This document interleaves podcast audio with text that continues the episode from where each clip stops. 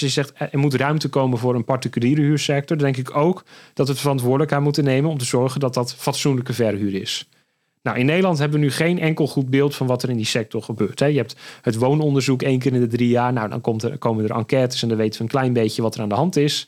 Maar we hebben geen goede statistieken. Dus ik zou zeggen, zorg dat daar uh, allereerst bekend over is wat daar gebeurt zodat je ook het ingrijpen op het moment dat er duidelijk sprake is van misstanden. Nou, dat die er zijn, dat is denk ik wel evident. Uh, maar dat je ook weet waar die misstanden zijn, bij welke verhuurders en bij welke verhuurders niet.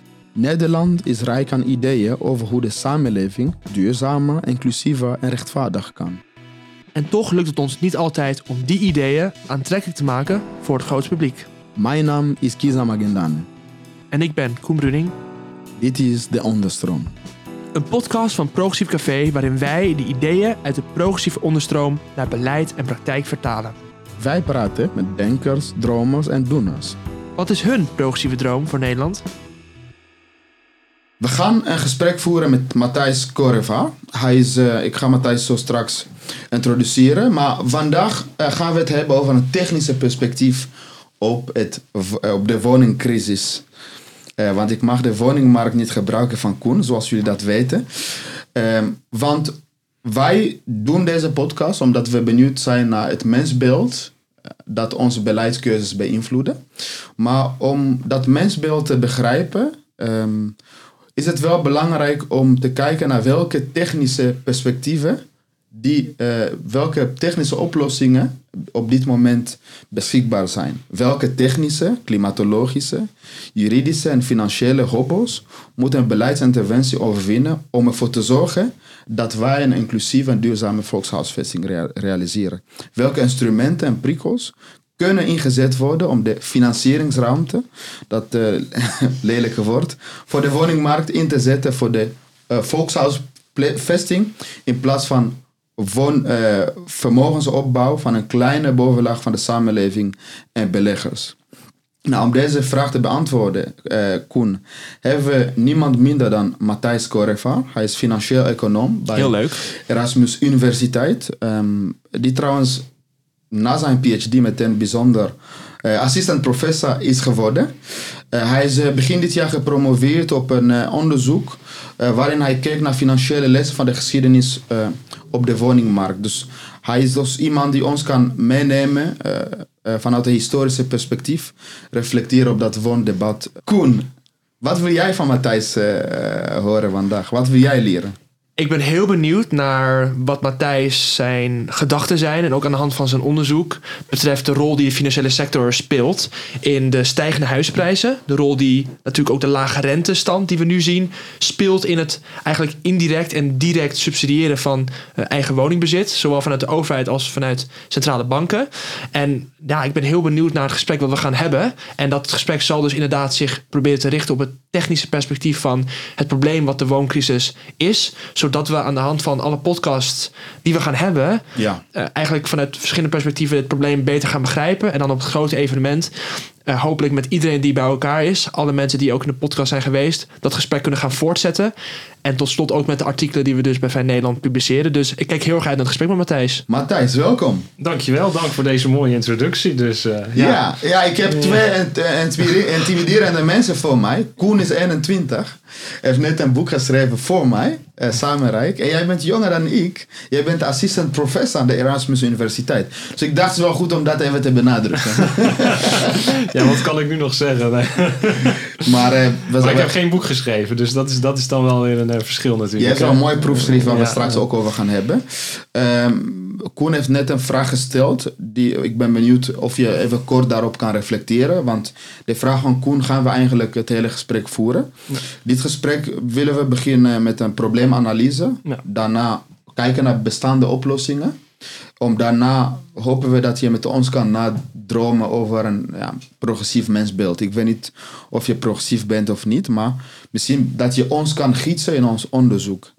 Even een korte reflectie op uh, wat Koen zojuist zei.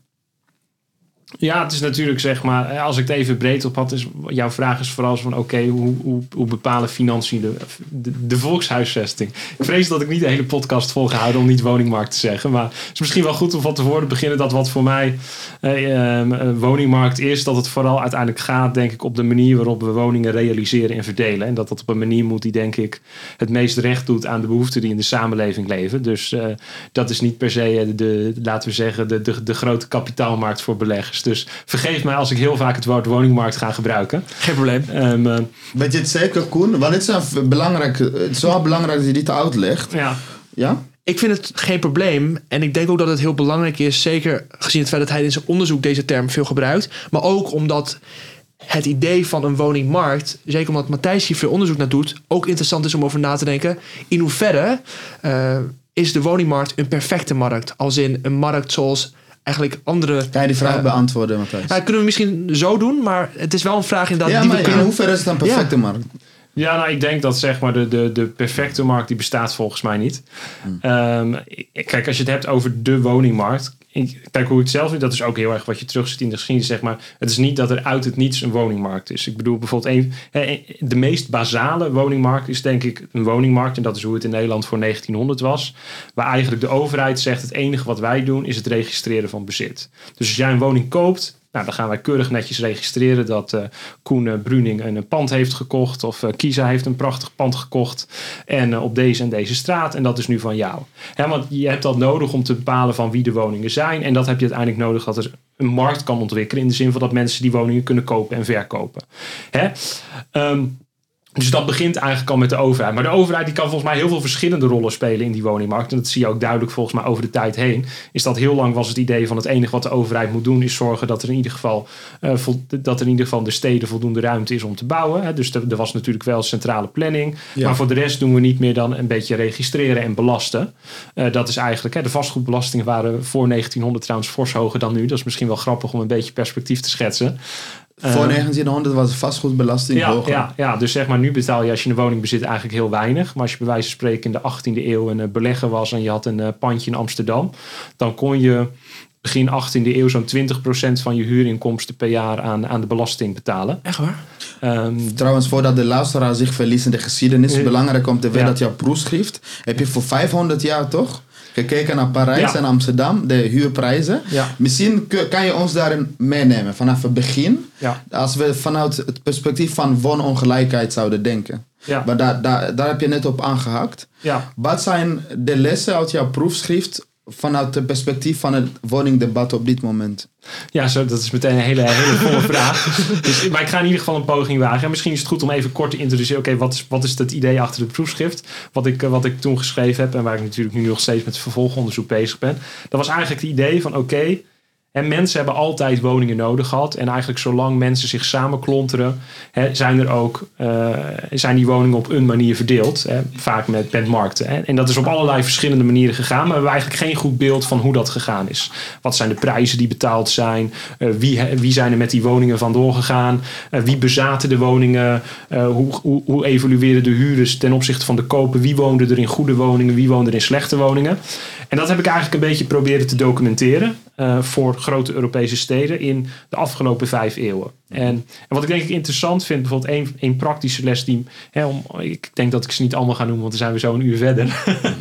maar als je bijvoorbeeld kijkt naar, nu zien we heel erg, en daar is ontzettend veel debat over, is dat we hebben, we hebben weer voor het eerst, en ik deels denk ik door beleidskeuzes, komt er meer particuliere huur. Dus huur die niet door woningcorporaties is, maar gewoon door beleggers die dat primair doen om, om rendement te verdienen.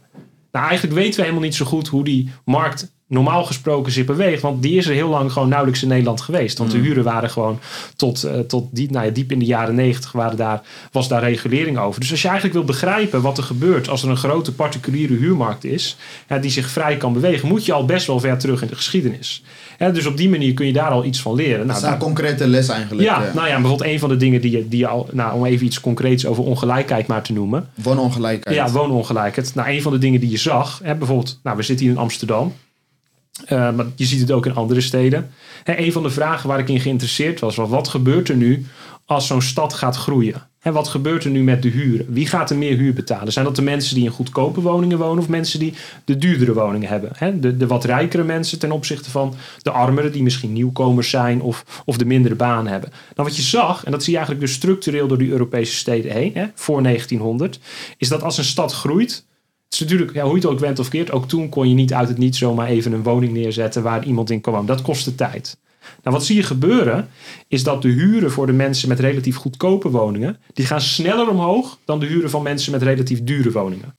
Hè, dus de inkomens gaan ook omhoog als een stad groeit. Dus wat krijg je, is dat zo'n stad, de, de inkomens gaan omhoog, maar met name voor, voor, voor de mensen die het al wat beter hebben, die kunnen zich vervolgens grotere en luxere woningen veroorloven. Maar aan de onderkant is er eigenlijk geen enkele sprake van verbetering. Dus je ziet al eigenlijk dat in dat proces. En dit dat- is puur op huur, hè? Nog niet... ja, dit, dit gaat puur, maar, maar je ziet dat er is nauwelijks eh, het eigen woningbezit in grote steden. En bijvoorbeeld in Amsterdam was het rond 1903 procent. Het is echt een vrij nieuw, Ja. res- vrij recente fenomeen van de vorige eeuw. Ja. Koen, je wilde volgens mij daarop voorbeeld, omdat ik weet dat je dit boekje hebt gelezen ook. Maar daar zegt Flo Mil- ook iets heel interessants over hoe de stad, ehm, dat het steeds duurder wordt voor de lage klasse en de middenklasse. Het lijkt mij een, een mooie koppeling met historische reflectie ook. Nee, zeker. Ik kan me voorstellen dat jij in je onderzoek natuurlijk bepaalde trends en gelijk, gelijkenissen ziet tussen bepaalde periodes waarin aan, je ongelijkheid ziet, bijvoorbeeld in de, in de 18e eeuw of een bepaalde eh, omvang van de financiële, financiële sector, die je kunt extrapoleren en ook lessen uit kunt trekken naar nu. En Minkowski spreekt in haar boek Wij zijn de stad ook over hoe dus aan de buitenranden van de stad datzelfde proces wat jij nu omschrijft, eigenlijk de mensen met de laagste inkomens steeds verder verdreven worden, steeds verder naar de buitenranden, maar daar nog steeds wel heel veel eh, passie en energie hebben om iets aan, dit, aan, aan de stad eh, bij te dragen, daar zeggenschap over te hebben. Dat is misschien een ander onderwerp, maar als we het hebben over democratische zeggenschap, als we het hebben over een overheid, als we het hebben over lessen trekken uit wat de rol van de overheid kan zijn in de woningmarkt, in de volkshuisvesting, dan is het misschien ook interessant om te weten. Is het zo dat in die periode waarin je ziet dat de huurprijzen aan de onderkant stijgen, komt dat dan ook door een gebrek aan regulering dat dat zo gebeurde? Ja, dat is natuurlijk altijd de vraag, is zeg maar, ehm, hoe moet je huurprijzen vaststellen? Kijk, ik, ik denk dat zeg maar, het, het, het mechanisme wat ik denk, hè, ik, ik moet zeggen, dit, dit is heel lastig precies vast te stellen. Want ik bedoel, je werkt met archiefstuur en het is nog lastiger om vast te stellen hoe, hoe mensen in die wijken daarover dachten. Want daar heb je gewoon ik, ja. geen informatie over. Maar hoe ik over, als econoom een beetje over denk, bijvoorbeeld stel nu, eh, eh, eh, het, het gaat goed met de stad, met de stad Amsterdam. Hè? Dus er is veel bedrijvigheid, er komen wat banen bij. Nou, dan heb je mensen van, van ver af, die, die komen naar die stad toe. Hè? In de geschiedenis groeit een stad vooral ehm, vanwege migratie. Hè? Dus in een stad als Amsterdam gingen gewoon meer mensen dood dan er geboren werden. Dus je had altijd mensen van buitenaf nodig om dat weer aan te vullen, tot zo'n beetje eind 19e eeuw. Nou, wat je dan ziet is dat op het moment dat er een beetje groei is, dan denken die mensen die bij wijze van spreken voor een hongerloontje op het platteland werken, ik ga naar die stad toe. Dus de mensen die al in de stad wonen en lage inkomens hebben, die schieten daar helemaal niets mee op. Ehm, en het proces toen was, kijk, het eigen woningbezit was redelijk laag. Ehm, ik bedoel, je had gewoon, nou ja, eh, sommige historici beschrijven dat als huurkazernes. Dus nou, dan moet, dan moet je de, de dichtheid in de Jordaan, bij wijze van spreken rond 1900 heb je statistieken over kubieke meter ademruimte per persoon. Van wie waren de woningen? Niet van de eh, investeerders, hè? Eh, Ja, primair van investeerders, zeg maar. En, en niet van, eh, je had niet heel grote zeg maar, de een beetje een gemiddelde investeerder, die had misschien een paar woningen, zeg maar. Het was niet dat er één partij was die ontzettend veel woningen had. Ik bedoel, eh, je, je had institutionele beleggers, zoals het dan zo mooi heet. Maar dan moet je in de denken, 19e eeuw al? ja, dan moet je denken aan bij het Burgerweeshuis. Dat is nu het, eh, het, mu- het Stadsmuseum in Amsterdam. Eh, nou ja, die hadden bijvoorbeeld een heel grote portefeuille aan huurwoningen. En het is ook wel interessant om te kijken hoe je op een andere manier naar de woningmarkt kunt nadenken. En want daar was het idee van wij willen zorgen voor de, voor de wezen. Hoe doen we dat? Ja, daar hebben we geld voor nodig. Dus dat geld gaan we verdienen op de commerciële vastgoedmarkt door woningen te verhuren. En dat kunnen we dan gebruiken om die, die wezen te verzorgen. Hè? Eh, dus op die manier. Maar ik denk dat de zeggenschap die mensen hierin hadden, Dat was volgens mij. Hè, ik, ik bedoel, ik, ik heb dit niet echt kunnen meten, maar mijn intentie is dat het vrijwel nihil was. Vrij beperkt. Hè, ook om, eh, eh, ik bedoel, je, je moet denken dat de ik, ik heb niet het idee dat de regenten bij wijze van spreken van Amsterdam dat hij zich ontzettend druk dat, dat hij dat hij zich echt inzet om te zeggen, nou, hè, die stad die moet ook ten bate komen van, van de arme sloepers in de Jordaan. Dus, de- en dat is denk ik iets waar, waar je bij uitstek met democratie en eh, het is natuurlijk niet mijn eigen tak van sport. Ehm, en, en in ieder geval in, in overheid iets in kan betekenen. Laten Ja. we dat aan het einde eind, Ja. eh, terugtrekken, Ja, de ja. oplossingsgerichtheid. Nee, want inderdaad, want wat Hans de Geus zegt in zijn boek Hoe ik een huisjesmelker werd, is ook het idee dat een overheid en private partijen Hm. de macht hebben, omdat ze macht hebben om regels te stellen. Of dat nu in een markt is als de woningmarkt, of in andere markten, waardoor elke markt eigenlijk tot op zekere hoogte imperfect is. In die zin is het dan ook interessant om te weten als we het over zeggenschap hebben, van, dat je inderdaad ziet dat als die regels niet door de overheid worden gesteld, Mhm. iemand anders die regels wel, in dit geval de private sector, wellicht wel gaat stellen en daardoor inderdaad zeggenschap aan van mensen ontneemt. Ja, kijk, eh, kijk, ik denk de wooncrisis heeft natuurlijk heel veel verschillende kanten. En als we het hebben over subsidies, zeg maar, of in ieder geval steun van de overheid. Ik denk dat hè, vanaf 1901 dan komt de befaamde woningwet. En dat is eigenlijk de, de oorsprong van de Nederlandse volkshuisvesting. Ehm, en dan zie je eigenlijk dat de overheid gaat bijvoorbeeld het mogelijk maken dat woningcorporaties tegen een gunstig tarief geld kunnen lenen om te investeren in woningen. Nou, aan het begin is dat eigenlijk nog maar heel klein. Tot, tot midden 20e eeuw is het vooral eh, het particuliere initiatief die eigenlijk de woningen bouwt. Ehm, en ook dan zie je al zeg maar, dat de woningen behoorlijk in kwaliteit verbeteren. En, en dat de situatie gelijk wordt. Dus het is niet zo dat dat automatisch verkeerd gaat als, al- als er een particuliere sector is. Hè, maar het is natuurlijk wel zo dat de overheid duidelijk veel meer kwaliteitseisen bijvoorbeeld ging stellen. Toen was dat heel erg gedreven door, eh, door zorg over de gezondheid.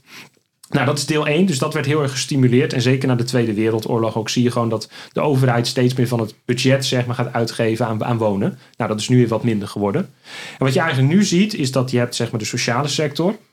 Eh, nou, je hebt nog steeds dat die eh, corporaties wat gunstiger kunnen lenen. Dat bestaat nog steeds. Maar je hebt ook dat als je daar woont, dat je bijvoorbeeld recht hebt op huurtoeslag.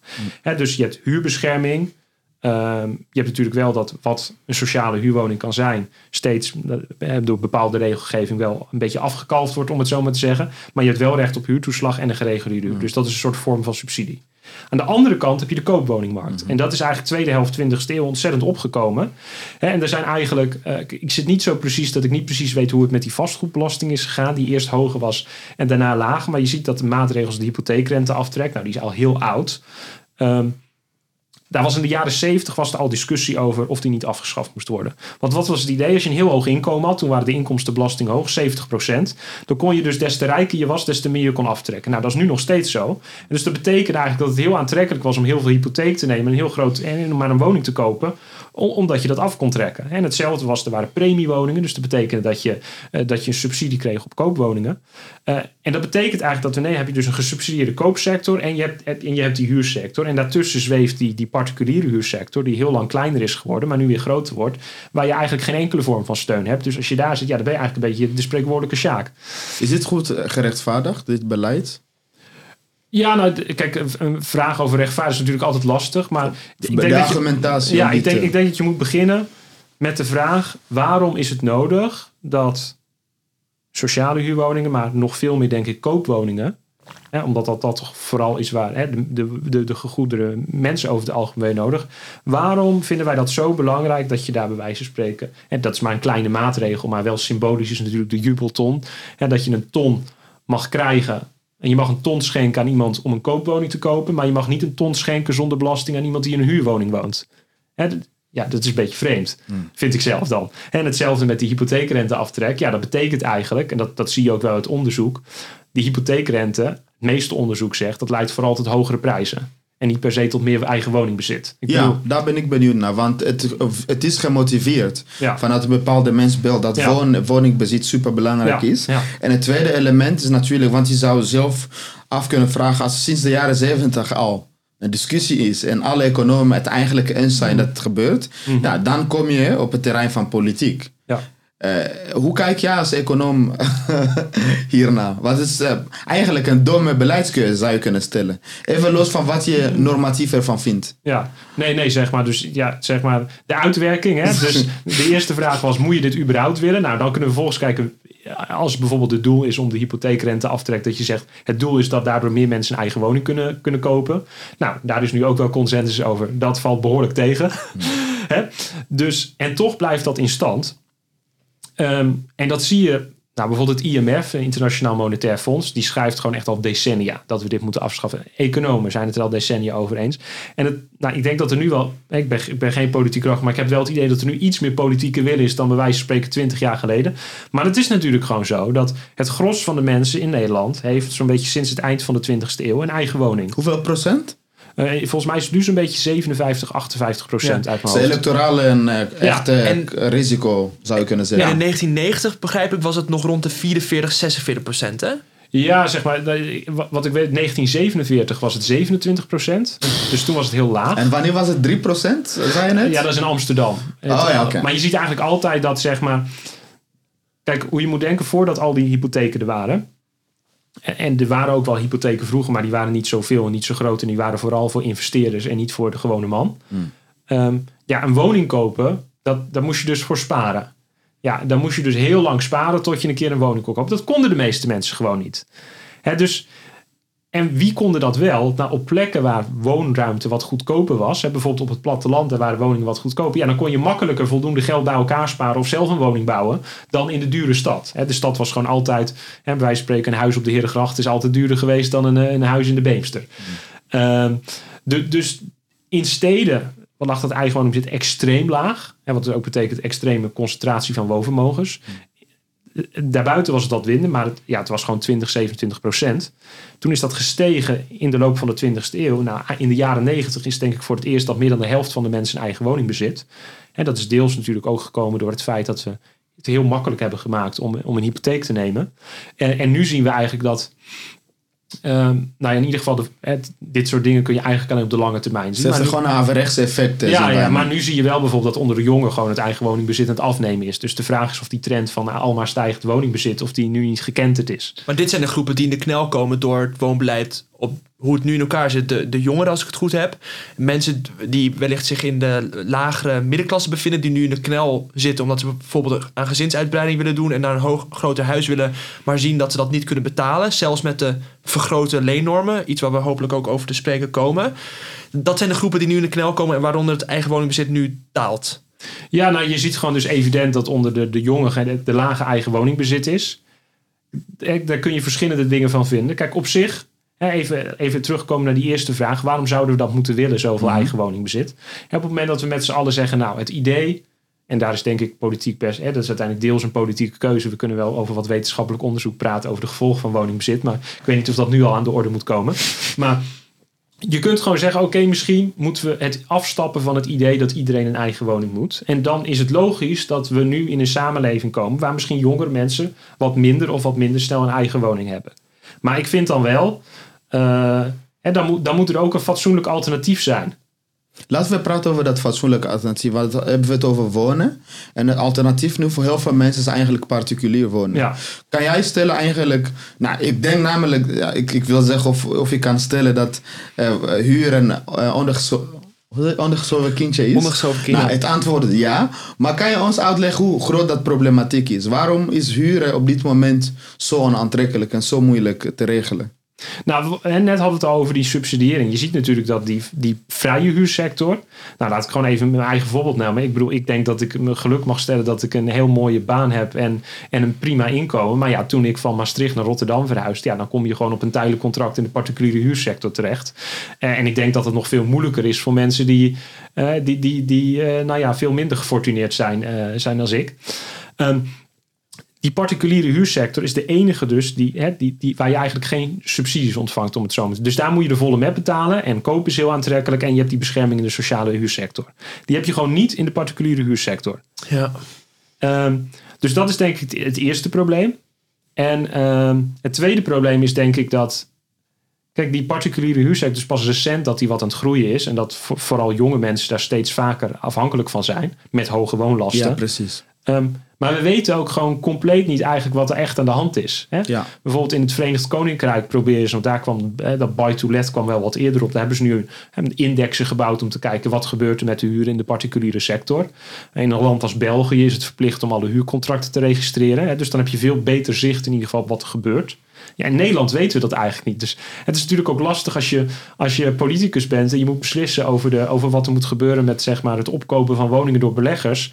En de ene keer krijg je statistieken van Pararius waaruit blijkt dat eh, de huren heel hard, heel hard gestegen zijn en dan in corona weer wat gedaald. En dan krijg je cijfers van Funda die er weer anders uitzien over de particuliere markt. En dan zeggen de institutionele beleggers ook weer wat anders. En dan, dan weet je ook niet wat is nu aan de hand. En dan, kun je, en dan kan iedereen die cijfers natuurlijk ook gebruiken naar, naar, naar zijn eigen wil. Ja, ja, en als je de, stel dat we- dit dan zien als een, als een ladder, dan zien we Ja. dat de mensen die een woning bezitten geholpen worden en bovenop die ladder worden geholpen.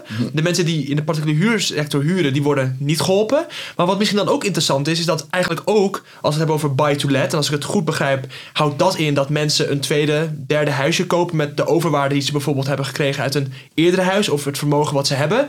Dat dan vervolgens weer gaan verhuren aan mensen met een hoog inkomen of aan de middenklasse of aan mensen in, in lagere inkomensregionen. Maar dus eigenlijk die mensen die het wo- woningen bezitten, of twee, drie, vier woningen bezitten, eigenlijk ook naar beneden trappen naar de mensen die huren. Omdat de mensen die huren ook weer huren van hetzelfde eh, kind van de rijke ouders, die met hun jubelton vervolgens een extra huisje kunnen gaan verhuren. Of heb ik zie ik het zo goed dat daar ook eigenlijk naar beneden wordt getrapt, indirect door de mensen die een wo- woning bezitten naar de mensen die huren, en dat die ongelijkheid daardoor nog groter wordt? En dat de overheid daaraan bijdraagt, zeg je eigenlijk indirect. Ja, kijk, ik denk dat je hier ehm, een soort van twee dingen uit elkaar moet halen. Ik, denk dat er soort van twee vraagstukken zijn. Eh de, eerste, eerste vraag is eigenlijk, oké, wat is het nut van de particuliere huursector? Moet het zo zijn? Want ik denk, hoe ik zelf het, het onderscheid zie, ik, je kunt er natuurlijk over twisten, maar als ik het heb over particuliere huur, eh, dan denk ik dus huur tegen, zeg maar, de marktprijs, wat, wat, wat de gek ervoor geven. Wat- Maar in ieder geval, de prijs waarvoor je nu direct meteen een woning kunt krijgen. In de sociale sector zijn de huren lager, maar moet je in de wachtlijst staan. Ik denk dat de waarde van de particuliere is dat je gewoon meteen, mits je de prijs wil en kan betalen, een woning kan Dus je krijgen. bent, per definitie, je bent niet per definitie tegen de, de particuliere huur.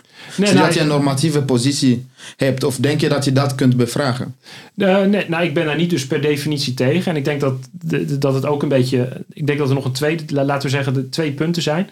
En de eerste is dus de vraag over: moet je een, een particuliere huursector willen? Vervolgens, ehm, in hoeverre zien we nu dat bijvoorbeeld vermogensongelijkheid zich manifesteert via de woningmarkt? En dus je kan zeggen, nou, zo'n particuliere huursector vindt het prima. Maar als, hè, als die particuliere huursector heel groot wordt, dan betekent het ook dat er meer woonvermogen zich concentreert in minder handen. En misschien vinden we dat een probleem. Hè? Even los van of er een particuliere huursector moet zijn. En het, het, het, laatste punt is dat het denk ik ook heel erg gaat over. Hè, jij noemt bijvoorbeeld eh, het voorbeeld van de, de rijke ouders die een wo- opwoning kopen of een tweede woning en die verhuren aan mensen voor, voor veel geld. Hè, ik zie dat als een soort manifestering van vermogensongelijkheid. Hè, die, die, die, die starter die kan geen woning kopen, maar degene die op een ontzettende zak geld zit, die kan het wel. Ehm, en dan is de vraag wat voor verhuurders krijg je dan. Ik denk dat je best wel een verschil kunt maken. Dat zie je bijvoorbeeld ook, nou laten we zeggen dat Burgerweeshuis, dat was altijd wel een gewilde verhuurder. Hè, want die onderhouden hun woningen gewoon netjes. Eh, die, die, die, die trokken niet het onderste uit de kan. Nou, zo zie je ook vaak hoe hè, bijvoorbeeld eh, de- ook de pensioenbeleggers, die maken ook nog wel afspraken. Hè, dat zijn heel andere type verhuurders. En dat zie je ook gewoon terug in rendementsdata. Dan bij wijze van spreken, nou ja... De klassieke de huisjesmelker. klassieke huisjesmelken waar ik woon in de Tarwewijk. En dat zie je ook gewoon in de data. Dat is het type, eh, type belegger die... Nou, dat zijn vaak de woningen die goedkopere huren hebben. Dus de huren zijn absoluut niet zo hoog. Maar ten opzichte van de prij- prijs zijn ze wel hoog. Dus zeg maar, eh, de huur gedeeld door de prijs, hè, dat is eigenlijk je bruto rendement, is vaak in slechte wijken, of, of slecht vind ik niet een mooi woord, maar in minder bedeelde wijken, hoger dan bij wijze van spreken in Amsterdam Zuid. En je ziet dat ook vaak dus dat die goed onderhouden panden, dat die relatief lage huren hebben ten opzichte van de prijs. Maar wat je dus krijgt is dat mensen die lage inkomens hebben. Vaak ze- het voelt onnatuurlijk, eh, Ja. de- deze... ja, dus die, die worden vaak gedwongen als ze direct. Hè, nou ja, ik, ik zelf, maar ik denk nog veel meer mensen die met lagere inkomens of arbeidsmigranten, noem ze maar op, die na- naar een stad komen of ergens in Nederland om te werken. En die zijn vaak gedwongen bij dat soort type verhuurders eh, te huren. Eh, nou, ja, dat is een sector waar we dus totaal eigenlijk geen zicht en data over hebben. Ik bedoel, ik kan prachtig uitvinden over 20e eeuws Amsterdam en een 19e eeuws Parijs. Hoe die hele particuliere huursector werkt en waar de rendementen hoog waren. En, en, waar bij wijze van spreken de huisjesmelker actief waren en de wat meer fatsoenlijke verhuurders. Maar nu weten we dat eigenlijk niet goed. Ja, dus ook, eh, deze gaat Ja. op de lijst van eh, Ja. oplossingen. Eh, eh, laten we ook praten over oplossingen. Dus ik haal twee dingen hier uit. Aan de ene kant transparantie over de huurprijzen, Ja. maar ook bepaalde waarden stellen aan de particuliere huur. Eh, dus ook misschien kunnen we ons laten inspireren door de geschiedenis. Nou, komen we terug bij jouw proefschrift. Maar laten we dan kijken naar de oplossingen die aangeboden worden. Want het, het onderwerp is zo hot op dit moment. Er zijn woonprotesten overal. Dus je zou kunnen zeggen, ja, dit is zo te fixen. Ja. Eh, en ik weet dat jij kritisch was op het eh, miljoenennota. Eh, onder andere, ja, je, je, heeft letterlijk gezegd dat het kabinet niks gedaan heeft. Kan je ons meenemen in verschillende... Geef ons een menulijstje. Mhm. Verschillende oplossingen die op dit moment knoppen waar je aan kan draaien om dit hele probleem op te lossen. Ja. Nou, en dan de focus op financiële perspectief natuurlijk. Wa- wat, is, wat is op een menukaart beschikbaar? Ja, nou laten we beginnen dus met de financiële factor. En dan denk ik eh, allereerst, eh, denk dat we weer even een beetje een onderscheid gaan maken voor, voor het gemak in zeg maar de koopmarkt. eh, de, die particuliere huurmarkt en, en de sociale verhuurmarkt. Dat is nu eenmaal hoe het in Nederland werkt. Je kunt natuurlijk dromen over dat het misschien anders moet. Dat mag denk ik ook zeker. Als je het hebt over de koopmarkt, denk ik waar we toch wel naartoe moeten, ehm, is dat uit onderzoek blijkt gewoon, ik- laat ik even een heel simpel voorbeeldje noemen, van een onderzoek eh, uit Zweden, waar mensen die eerst een sociale huurwoning hadden, dat die eigenlijk die sociale huurwoning omzetten in een hypotheek en die werden eigenaar. En dat werd heel mooi gedaan, want het ene appartementencomplex kon dat wel en het andere niet. Dus die kun je dan mooi met elkaar vergelijken. En dan zag je gewoon, hè, en die mensen kregen natuurlijk eenmalig een subsidie, maar je zag gewoon dat die meer gingen sparen, dat, hun, dat, dat, dat, hun- dat ze meer financiële stabiliteit hadden. Dus op zichzelf zie je vaak dat aan woningbezit al best grote voordelen zitten. Ik denk niet, hè, maar dat is natuurlijk uiteindelijk deels ook een persoonlijke mening, eh, dat we dat dan nog extra moeten stimuleren en subsidiëren. Zeker omdat wat je ziet, nou, dat is bijvoorbeeld een van de boeken die hier op tafel ligt, House of Debt, dat op het moment dat je woningbezit extreem stimuleert en mensen met lagere inkomens maar enorm met hypotheek bezwaart, dat die ook het meest kwetsbaar worden voor een crisis. Dus ik denk ook niet dat het verstandig is om iedereen maar een eigen woning te laten bezitten. Nou, wat kun je dan doen? Is je kunt denk ik eerst dus nou, die hypotheekrente aftrek. Daar is elke econoom het over eens. Het is een beetje een heel goedkoop punt eigenlijk om te maken. Maar eh, die moet Hij kan niet laag genoeg gemaakt worden. geleidelijk uitgefaseerd worden. Ja, niet, Eh, niet direct, ja. geleidelijk. Ja, en een ander ding waar ik denk ik. ehm, ehm, kijk, de praktische implicatie is natuurlijk altijd lastig, omdat heel veel mensen hebben een afbetaalde woning. Ja, maar, daar ben ik benieuwd naar. Want maar over het belasten van woningbezit. Hè, Dat is natuurlijk iets wat nu behoorlijk ter discussie staat. Ik denk dat de eerste vraag moet zijn: waarom moet je een woning anders belasten dan andere vormen van vermogen? Nou, ik, ik denk niet dat, dat, dat daar per se extreem directe aanleiding toe is. Ik denk dat hè, er zijn voordelen aan dat iemand een eigen huis heeft. Vaak wordt dat net wat beter onderhouden, want hè, wat jij onderhoudt komt meteen in je eigen portemonnee. En zo, eh, nou ja, zo zelfzuchtig zijn mensen denk ik ook wel.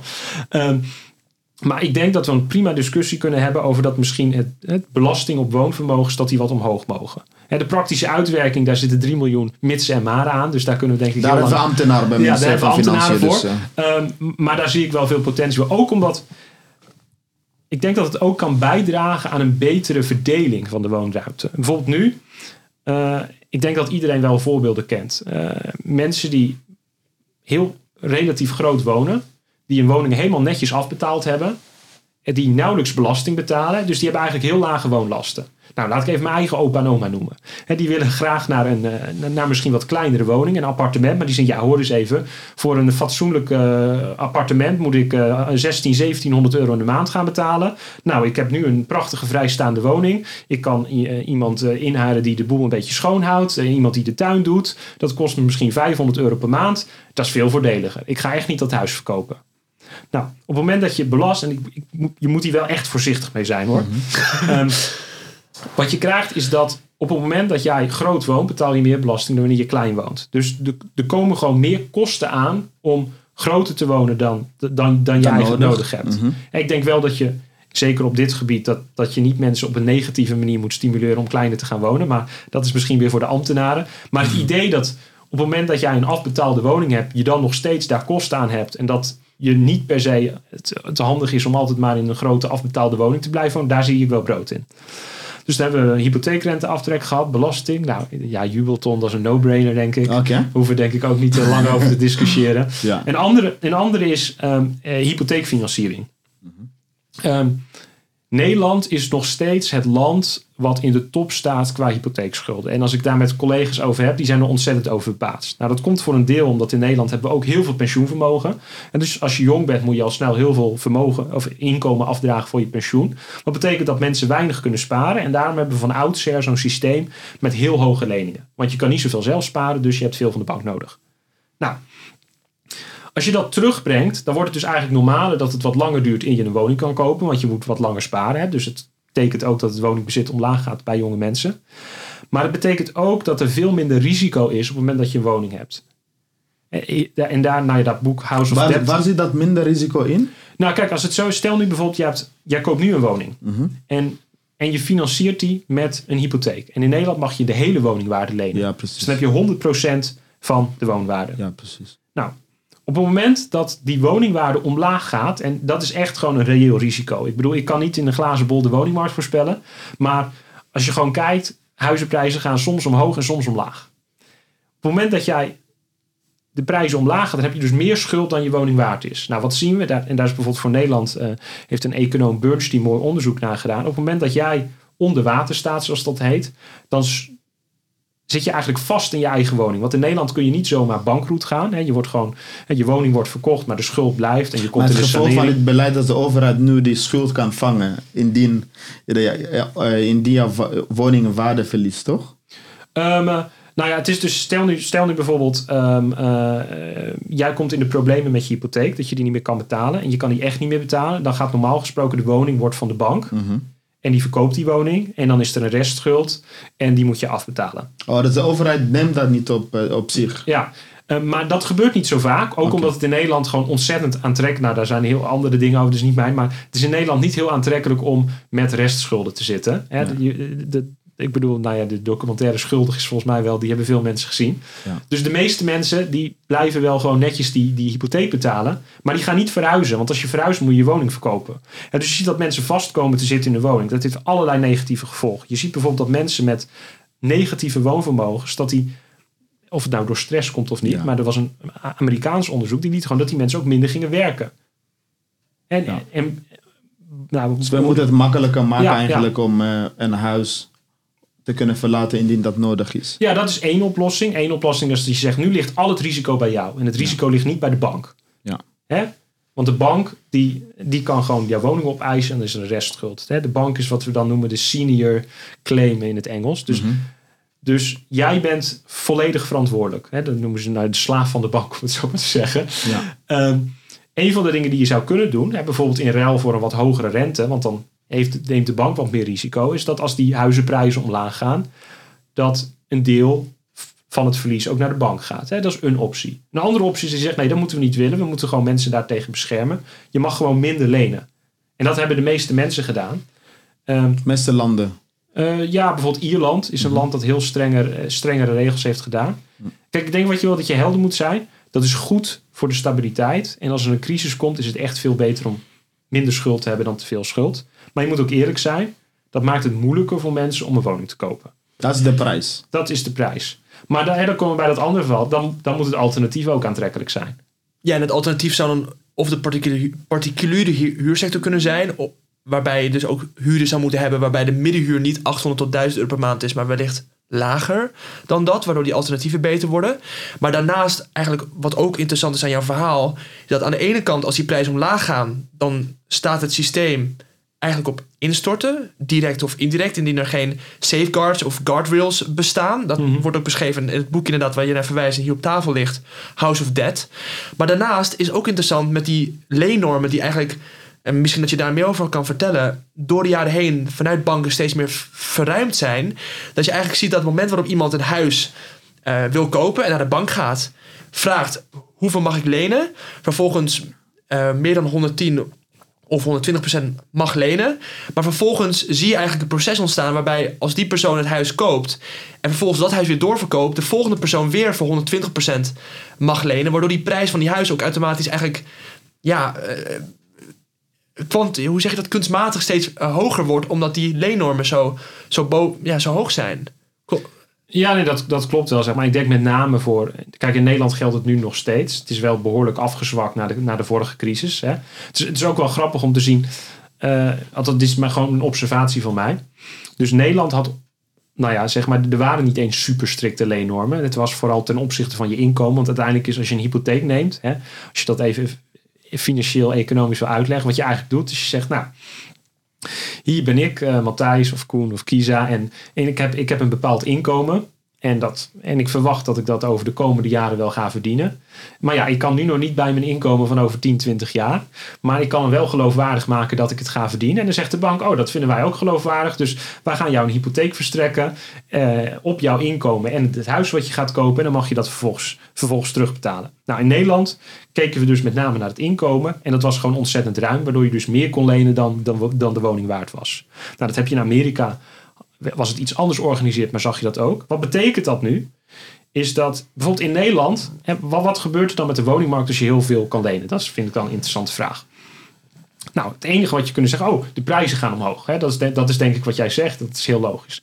Maar dan is de vraag, wat gebeurt er vervolgens? Nou, bijvoorbeeld in een land als, als Spanje zag je dat er relatief veel woningen gebouwd werden. Want die dacht, ja, als die prijs hoog is, hè, nou, ik kan gewoon een aannemer inhuren en die, die wilde wel een extra woning voor bouwen. En dan zag je eigenlijk dat het extra lenen leidde tot meer bouw, maar ook meer leegstand, want die woningen waren eigenlijk helemaal niet voor het gebruik. Dat kan trouwens niet helemaal in Nederland, toch? Gezien Nee, de andere nee. regels. Nee, Waar we helaas niet over komen te spreken. nee. Eh, maar het is wel een mooi rijtje. Eh, de implicatie van de Ja. oplossingen die jij voorstelt. Ik weet niet of je nog eh, veel extra dingen op het menukaart hebt. Nou, op het gebied van koopwoningmarkt niet, denk ik, zeg maar. Oh ja, want je was nog met koop, hè? Ja, ja, ja, ja, we- ja, de tijd vliegt, hè. Ja, precies. want, bij huur heb je ook andere dingen op je Ja, ja, menukaart. ja, ja. Dus wat ik denk... Waar, moet ik aan, wat, waar moeten we dan aan denken? Nou, ik denk bij huur dat we. Eén ding is dat we, eh, maar dat is denk ik meer een politieke en ideologische keuze, dat we ook gewoon even, die vraag die je net had, wat is de rol van, die wij willen die de particuliere huursector heeft Ja. en wat is de rol die de sociale huursector heeft? Eh, nou, dat is waar ik als wetenschapper ga ik daar niet een expliciete keuze over Maar maken. wat zijn de keuzes? Maar ik denk wel, eh, nou een van de dingen bijvoorbeeld zegt, is je zegt er moet ruimte komen voor een particuliere huursector. Dan denk ik ook dat we de verantwoordelijkheid moeten nemen om te zorgen dat dat fatsoenlijke verhuur is. Nou, in Nederland hebben we nu geen enkel goed beeld van wat er in die sector gebeurt. Hè. Je hebt het woononderzoek één keer in de drie jaar. Nou, dan komt er, komen er enquêtes en dan weten we een klein beetje wat er aan de hand is. Maar we hebben geen goede statistieken. Dus ik zou zeggen, zorg dat daar eh, allereerst bekend over is wat daar gebeurt. Zodat je ook kunt ingrijpen op het moment dat er duidelijk sprake is van misstanden. Nou, dat die er zijn, dat is denk ik wel evident. Eh, maar dat je ook weet waar die misstanden zijn, bij welke verhuurders en bij welke verhuurders niet. Dat is denk ik één. Als we het hebben over de sociale sector, denk ik ook. eh, kijk, wat het daar hè, daarom gaat, is dat je eigenlijk wonen aanbiedt voor een prijs die, die, die onder de prijs, de marktprijs ligt van wat de gek ervoor geeft. Nou, dat betekent eigenlijk, hoe, inherent, dat er altijd meer mensen die woningen zullen willen dan dat er woningen zijn.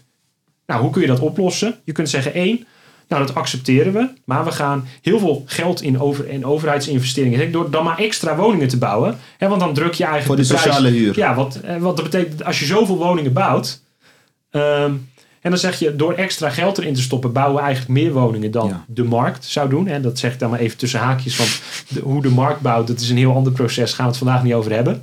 Ehm, maar we regelen eigenlijk zoveel aanbod dat we structureel lagere huurlasten kunnen doen. En we zijn bereid daar overheidsgeld in te steken. Dat is een oplossing. Zou het Europese fonds, even kort tussendoor, daar een optie voor zijn? Want er ligt dus in Europa heel veel geld klaar voor de Nederlandse overheid. Miljarden om te lenen. Om dat misschien in de, in de woningmarkt, volkshuisvesting te stoppen? Matthijs is een wetenschapper, hè? Ja, Het is, ik- ik- weet niet, wordt- de politiek, hele wordt de specifieke- politiek. het is een hele Ja. specifieke vraag. Kijk, nou ja, kijk, e- een van de dingen waar je gewoon over kunt nadenken, waarschijnlijk is dat geld, is dat, dat zal dan een vorm van een lening zijn of in ieder Ja, geval. precies. Nou, dat, wat je kunt zeggen is, ik bedoel, dat is, dat is niet alleen een financiële vraag, maar als je zegt, oké, die lening heeft een bepaald rentetarief, vinden wij de opbrengst, hè, dat we al die woningen krijgen, eh, vinden wij dat dat waard? Hè? Want je maakt, eh, waarschijnlijk maak je er niet extreem veel financieel rendement op, maar er is wel een soort van maatschappelijk rendement. En je kunt gewoon een keuze maken, dat vinden wij het waard.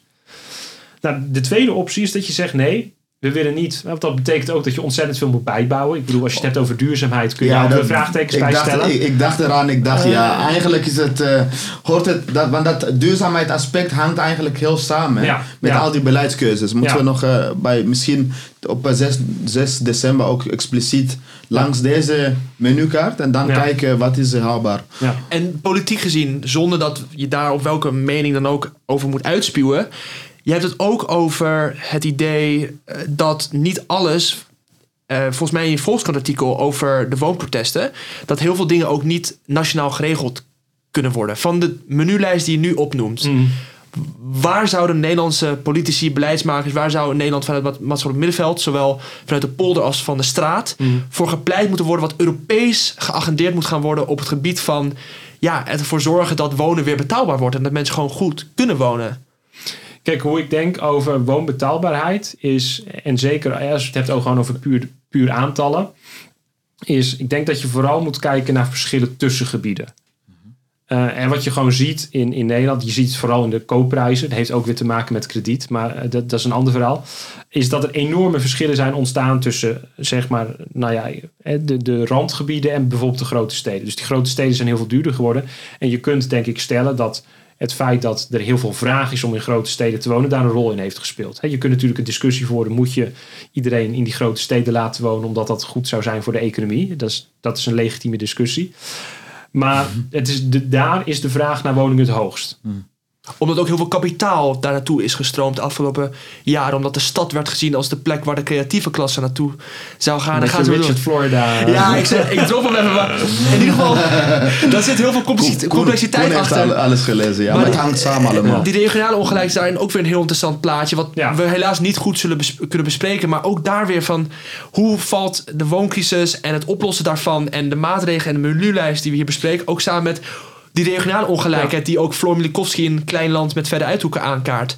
Van ja, dat, eh, in een van de papers van Cody Hoxenbach benoemt hij ook dat die prijzen buiten de steden juist gedaald zijn. Klopt dat? Nou, het ligt een beetje aan over welke tijdshorizon je kijkt. Uh, CBS publiceert sinds 1995. Nou, dan zie je gewoon dat. Ik heb het toevallig zelf net opgezocht, dus ik kan, kan lekker de statistiek noemen. Limburg is plus 73% gecorrigeerd voor de inflatie. Sinds Plus 1995. 73. Ja, 73% hogere huisprijzen. Sinds? En Amsterdam? Sinds 1995. Oké. Plus 273% Wauw. Ja. En dus sinds al- corona? Eh, maar sinds, nou, sinds corona zie je vooral eh, dat Amsterdam en andere grote, die zijn eigenlijk minder hard gestegen. En, en, en, en de, de randgebieden zijn meer gestegen. Kun je natuurlijk zeggen, ja, hoe komt dat? Komt het gewoon dat de stad zo duur is geworden dat mensen, eh, dat mensen elders zijn gaan wonen? Ik heb een collega die heeft een onderzoek over het beperken van hypotheekfinanciering. Nou, wat je daar in Ierland, wat je daar heel sterk zag, is dat als je minder kan lenen, dan wordt Amsterdam nog moeilijker te bereiken hè, voor, voor iemand die gewoon een woning wil kopen. En een woning kopen is heel aantrekkelijk. Dus wat zie je? Dat mensen dan sneller naar de randgebieden gaan waar de woningen nog wel goedkoop zijn. Want daar kun je zeg maar voldoende hypotheek krijgen om een woning te kopen. En binnen de ring in Amsterdam, nou veel succes op je, op je enkele inkomen. Maar, maar in, eh, in het oosten van het land lukt het misschien nog wel. En, en, Ja. en dat, is, dat is nu ook waar de prijzen zo hard stijgen. Dus ook dat- een breder politiek project Ja. om dus die openbaar vervoer beter te maken, zodat ook mobiliteit sterker wordt en mensen meer verspreid over het land als bouwend wonen. Nederland. Die kwam ook met Ja, bouwen rapportje, Nederland. eh, maar ik weet niet of ik of ik ideologisch gezien eh, Eh, bij hun aansluit. Maar goed, laten ja. we bij het menukaart blijven. Want Oh ja, nu gaan we weer in de analyse. Ja. Ja. Ja. je had twee dingen bij dat huur. Ja. Had je het tweede punt ook al genoemd? Ja, twee. Dus we, hadden, we hebben nu de koop gehad, we hebben particulier gehad. En nu zaten we het over de sociale sector. Hè, dus, eh, en het tweede punt waar ik wat, dus optie 1 was dat je zegt, nou, we- regelen gewoon heel veel aanbod, ja. heel veel woningen. Dan kun je natuurlijk vragen hoe groot die moeten zijn. Nou, dat is, hè, ik bedoel, als Daar heb je je ambtenaren voor. ja, eh, ehm, en wat, ja, dus ehm, eh, flexwoningen of niet. Nee, precies. Nee, ehm, de andere optie is dat je zegt: nee, we gebruiken die sociale huisvesting als eh, hè, dat we laten dat gewoon fundamenteel schaars zijn. Maar dan moet je ook zeggen: hoe gaan we die woningen dan verdelen? Hè, want dat betekent dat er zullen altijd meer mensen in een sociale huurwoning willen wonen dan de mensen zijn. Hoe kunnen die woningen op de best mogelijke manier verdelen aan de mensen die die het hardst nodig hebben? Ja. Ehm, waar ik zelf, en, en dat is denk ik wat ik zelf zie als de grote waarde in, in dat opzicht van, eh, van, van, van sociale huurwoningen. is bijvoorbeeld eh, een stadscentrum is gewoon nou, dat, dat is zeg maar eigenlijk fundamenteel duur. Omdat, hè, no matter hoe, hoe je het went of keert, daar willen gewoon heel graag heel veel mensen wonen. Hè, dus zelfs als je de huren zou reguleren, willen daar nog steeds heel veel mensen wonen. Dus het is gewoon fundamenteel schaars. Nou, wat kun je doen met, met, met, met zeg maar sociale huur? Is dat je mensen een kans geeft om op die plek te wonen. Juist. Terwijl ze het eigenlijk niet zouden kunnen Dat is betalen. een bewuste politieke Ja, keuze. ja. ja. En ik denk, nou dat is een vraag die ik als wetenschapper interessant vind. Is gewoon kijken, wie zou het meest baat hebben bij woningen waar? Kan je hem invullen? Eh, nou, een van de dingen die ik denk is dat, eh, wat ik zou zeggen, is dat we juist behoefte hebben aan, aan eh, nou het eerste is denk ik dat mensen behoefte hebben aan een soort, stel dat je bent opgegroeid in een bepaalde wijk ehm, en je wil daar blijven wonen. Ik denk dat één belangrijke reden voor huurbescherming is dat mensen kunnen, dat- ze niet hun eigen woning uitgeprijsd worden. Want het, ik bedoel, dat is volgens mij een Dat zijn zou Ja. je kunnen stellen. Ja. Dan worden En bestaande andere- gemeenschappen ook niet losgebroken. Ja. Ja. En een andere is, de tweede is denk ik mensen van buitenaf bijvoorbeeld, hè, die nog niet een woning hebben, of als je jong bent en je moet een huis zoeken, dat je die woningen genereert op plekken waar je ook de meeste mogelijkheden hebt. Hè. Je kunt natuurlijk twisten over, hè, dat is denk ik iets wat, wat geografen, eh, sociologen, economen kunnen doen. Wat zijn nou plekken waar, waar veel kansen zijn? Maar ik denk wel dat veel plekken in steden vaak kansen bieden. Dat je zorgt dat die woningen ook, ook echt maatschappelijke waarde hebben. Ik bedoel, is een onderzoek waar ik zelf groot fan van ben en vaak aanhaal van eh, Winnie van Dijk. Die laat eigenlijk zien dat ehm, loterijen, mensen die in Amsterdam in de sociale huisvesting zeg maar, als je inschrijft op een loterij en je doet dat in een wijk met hogere inkomens. En degene die de woning krijgt, die kun je mooi vergelijken met degene die de woning niet krijgt. Dat is puur op basis van kans. En wat Je ziet dat diegenen die die woning krijgen, die gaan er echt op vooruit in hun inkomen, in, in, in, in, hoe- in hoe Wauw. vaak ze werkloos zijn.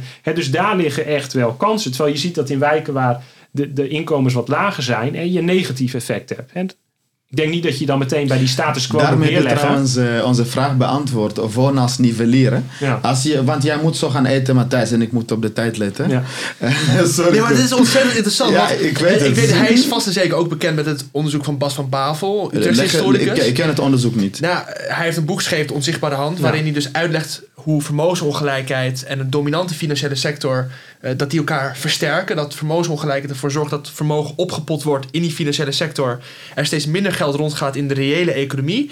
En dat dat allerlei problemen met zich oplevert. En dat eigenlijk de mate van vermogensongelijkheid in een land, vooral bij de top 10%, naarmate dat groeit, des te minder goed het met een markteconomie en met de samenleving gaat. Totdat er een ondergang wordt ingezet. En die 18e eeuw die jij benoemt, dat ligt natuurlijk net eigenlijk na dat hij aanwijst, periode waarin hij wijst, als net nadat we een ondergang hebben, hebben ingezet. Maar mijn punt is, het is natuurlijk ontzettend interessant om na te denken over hoe dus woningbeleid en daarmee ook de ruimtelijke ongelijkheid die daaruit voortvloeit en de sociologische effect die dat heeft, tot en met de kinderen van, van, eh, de kinderen van ouders die vervolgens op hun basisschool niet in contact komen met kinderen uit andere sociale lagen en daardoor ook andere beroepskeuzes gaan, gaan kiezen, omdat ze nooit in contact, contact komen met de ideeën die middenklasse kinderen bijvoorbeeld hebben. Dat is zo ingrijpend en met, met Van Bavel is het dan interessant dat daar zie je dus een cyclus inderdaad ontstaan en woonbeleid is hier het epicentrum van of zo. Vastgoed lijkt hier het epicentrum van te zijn. Ja, in de zin dat jij bedoelt dat ehm, zeg maar hoe wij de woningen verdelen, dat dat te maken heeft met bezit en, en waar mensen uiteindelijk terechtkomen. En ik geloof wel inderdaad dat als je daar, nou ja, een beetje Bas van Bavel vooral, als je daar niet te veel mee doet. Nou, ik heb toevallig zelf eh, in, een, eh, in, een, in een vrij eindeloos project allerlei, eh, de erfenis in Amsterdam in de 18e eeuw helemaal gedigitaliseerd. Nou, je Echt ziet waar? gewoon stijgende vermogensconcentratie. Ja, En je ziet ook dat als de rente laag is, dat die rijke renteniers vastgoed op gaan kopen. En dat eigenlijk de woonvermogensongelijkheid structureel toeneemt. Dus, dus het, het zit ook in de data, weten we nu. Ehm, maar, maar wat ik wil zeggen is dat dus die financiële kant, dat die ook bepaalt wie de woning bezit en hoe die vervolgens, eh, wie, wie er vervolgens in wonen en, en de eindgebruikers daarvan. En dat die twee dus ook met elkaar te maken hebben. Maar dat is ook, hè, daarom vind ik woningmarkt zo interessant. En het kan niet zonder financiën, want zelfs als de overheid woningen bouwt, kost het dus nog steeds geld. en, eh, maar het heeft ook, hè, hoe de woningen verdeeld en gefinancierd worden, heeft ook re- reële consequenties voor, voor hoe, hoe en waar mensen wonen. Ja. En hoe je samenleving eruit ziet. Ja. Ja, precies. Het was een mooie. Maar dat reisje was voorbij, hè? Eh, dus eh andere rijtje was bewuste keuzes Ja. over hoe je mensen Ja, ja. En, en sociale wonen en ook eigenlijk het punt van Koen verspreiden, dat mengen enzovoort. Ja, ja, dus dat waren denk ik. Ik denk dat ik nu de punten gehad heb. Ja, de men- we gaan sowieso luisteren voor de luisteraar een mooi overzicht maken.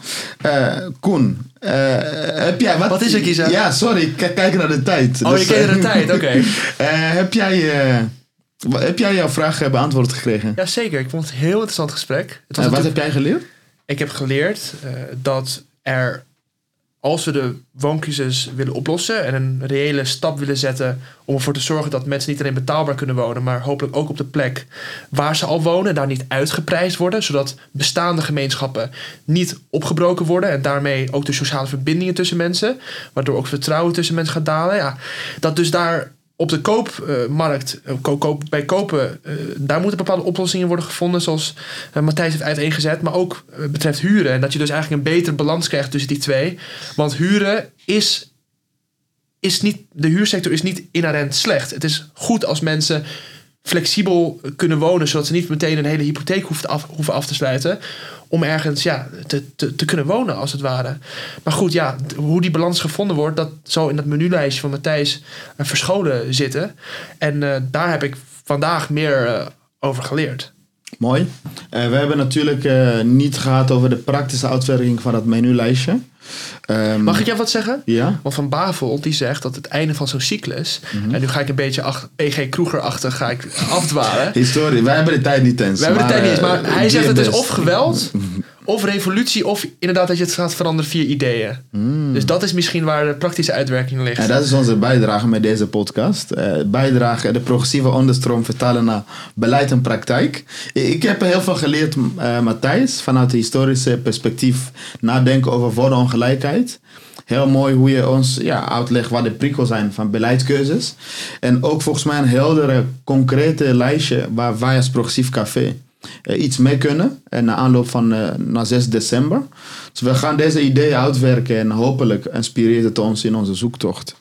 Eh we eindigen de podcast altijd met een vraag voorleggen van een eerdere gesprek. Ehm, daarna gaan wij jou ook een vraag voorleggen. Eh, wij vragen onze gasten welke vraag zij mee puzzelen in het vraagstuk. In het vorige gesprek hebben we gesproken met eh eh Katelijne Akkermans. Akkermans eh, over eh, dakloosheid. Als wij eh, even de CBS-cijfers met al die kritieken eromheen en al dat haarkloverij eh, even gewoon plat slaan, dan hebben we 40, in ieder geval 40.000 mensen zonder dak. Nou kom ik maar weinig mensen tegen die zeggen, joh, dat is eh, een symptoom van eh bijproduct van hoe wij leven en dat is nu eenmaal zo en ach, eh, akkoord. Er, zijn, er zijn eigenlijk geen er is niemand die zegt dit is acceptabel.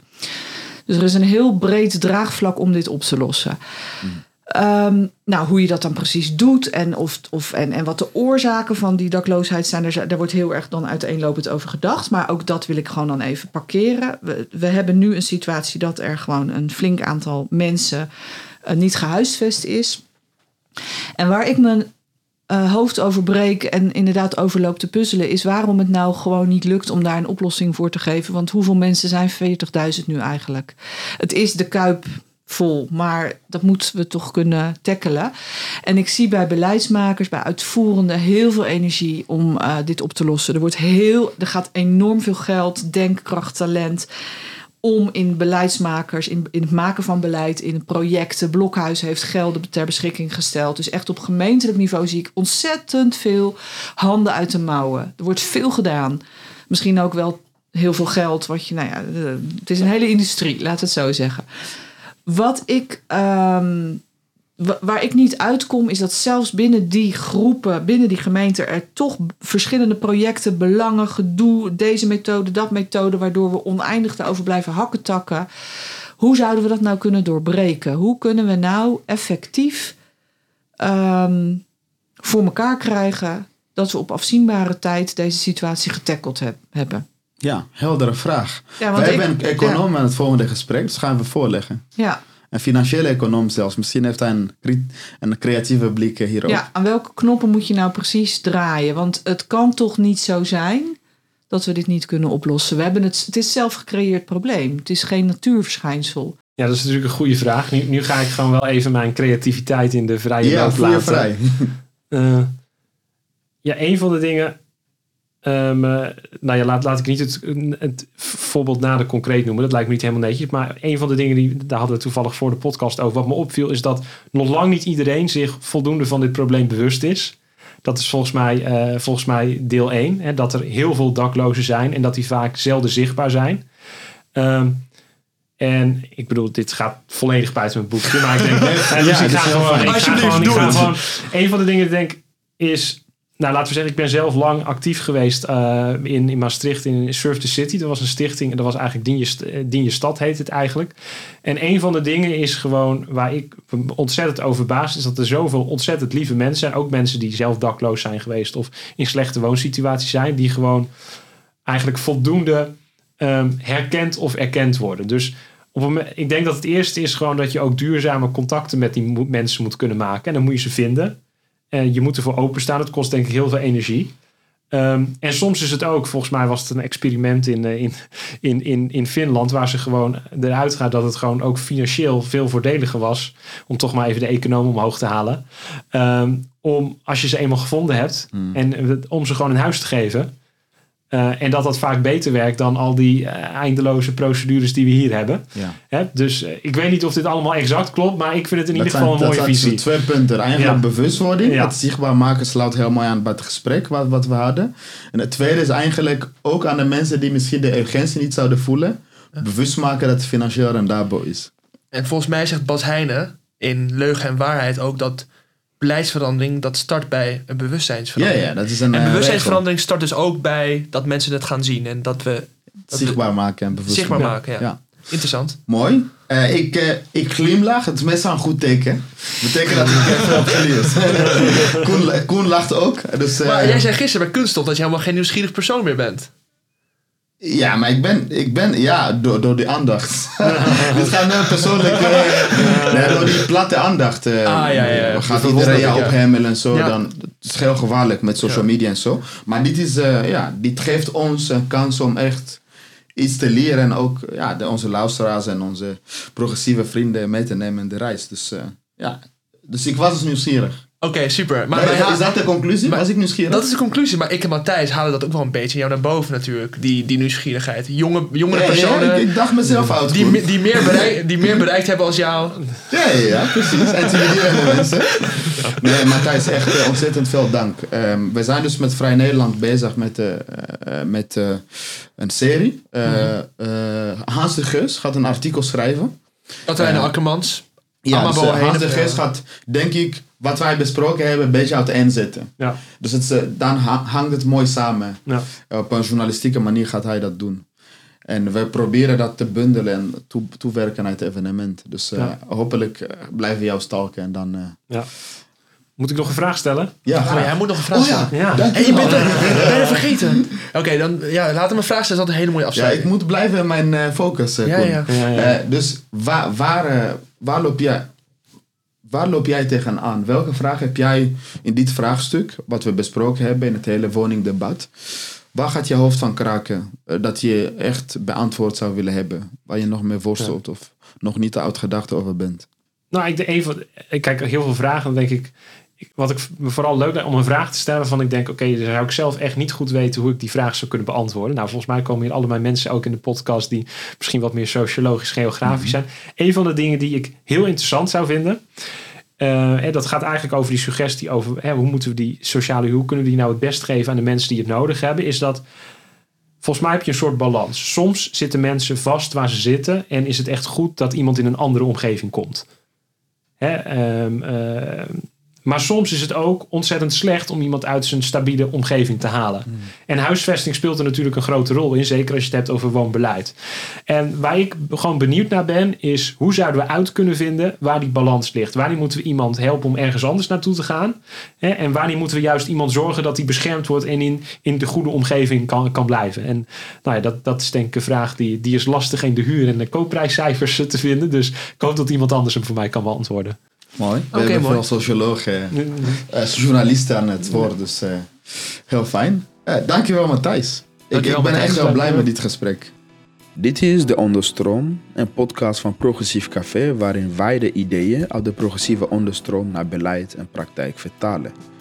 De podcast is mede mogelijk gemaakt door Pakhuis de Zwijger, Henk en Dan Hazelager hebben de techniek gedaan.